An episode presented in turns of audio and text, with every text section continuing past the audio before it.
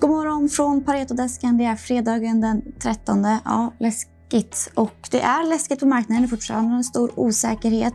Wall Street pendlade kring nollan igår och det var lite blandad stängning över och under nollan-strecket. Nu ska vi prata Clean här som kom med rapport.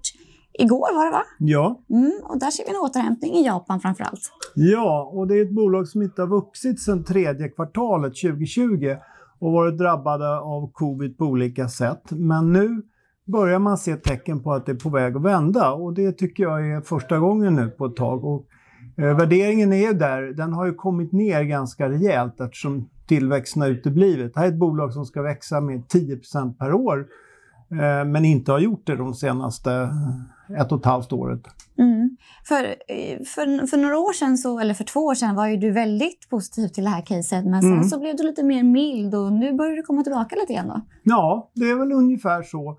Eh, Och skälet är flera. Dels har de här nedstängningarna i Japan kommit ganska sent i, i covid här förra, i slutet på förra året och nu börjar man se att det lättar och då kommer köpintresset tillbaka igen i det som är Cabin Solutions rökkabiner. Men också viktigt som för hela caset är ju att eh, luftrenarna börjar komma tillbaka. Det är därför man ska köpa det, det är inte för rökkabiner, de är stabila. Men luftrenarna har börjat visa tillväxt igen. Och man börjar lansera även nya luftrenar i Japan och där ser det ut att gå bra just nu. Mm. Och eh, hur mycket tycker du att de bör växa? Alltså de, jag tror att det här bolaget ska växa ungefär en 10 och då är det de här snabbväxande luftrenare och renrum som ska stå för den tillväxten. Och just nu så är det ungefär 35% av försäljningen men det, det ska öka till över 50 Så att när jag var med och tog det här bolaget till börsen då var rökkabiner 80% av verksamheten och de här tillväxtdelarna 20 Så att det, det finns tillväxt i det här bolaget, definitivt. Mm. Och hur ser lönsamheten ut? Ja, den är väldigt stabil. Det här är en yt.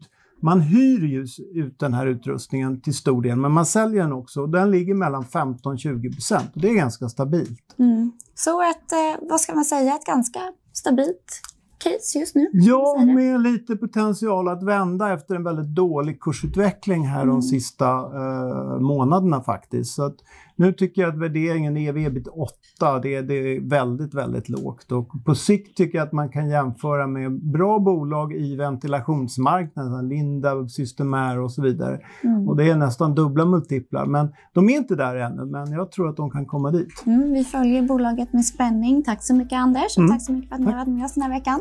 Trevlig helg!